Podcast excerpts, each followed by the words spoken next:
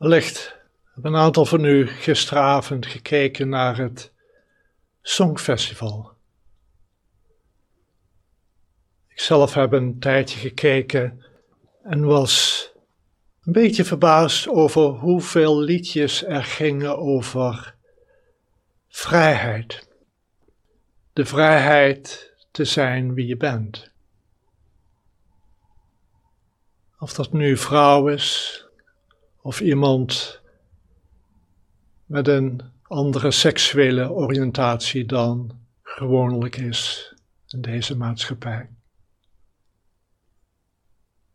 Of een mentale aandoening heeft, zoals Tourette's.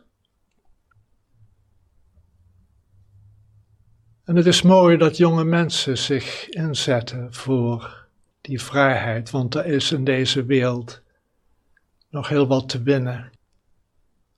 Voor heel veel groepen, voor heel veel mensen. En er is nog heel veel leid omdat mensen niet worden geaccepteerd voor wie en wat ze zijn.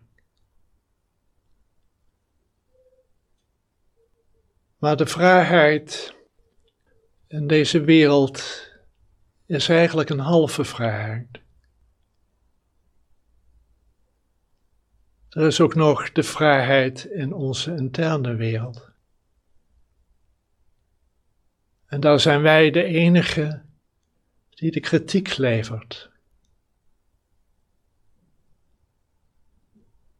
Daar zijn wij de enigen die niet accepteren, die afkeuren.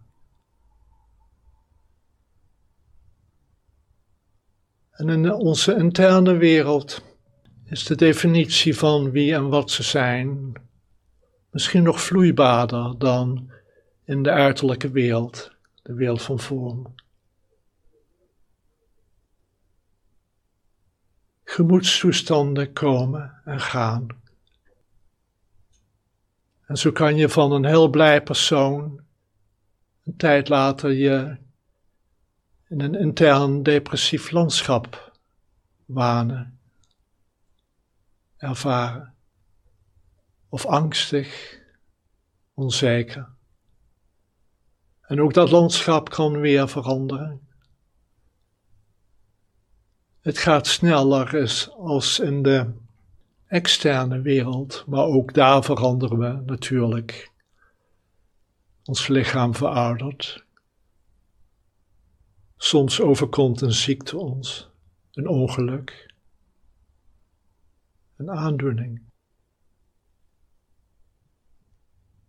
In onze interne wereld is het wat moeilijker te definiëren wie we zijn. ben ik de gemoedstoestand die er nu heerst. Al duurt die misschien al jaren. In ieder geval weten we dat we die gemoedstoestand kunnen waarnemen, kunnen afkeuren, beoordelen. Net zoals anderen ons soms afkeuren om wie of wat we zijn. Dus kunnen we ook van binnen vrij worden of naar vrijheid streven.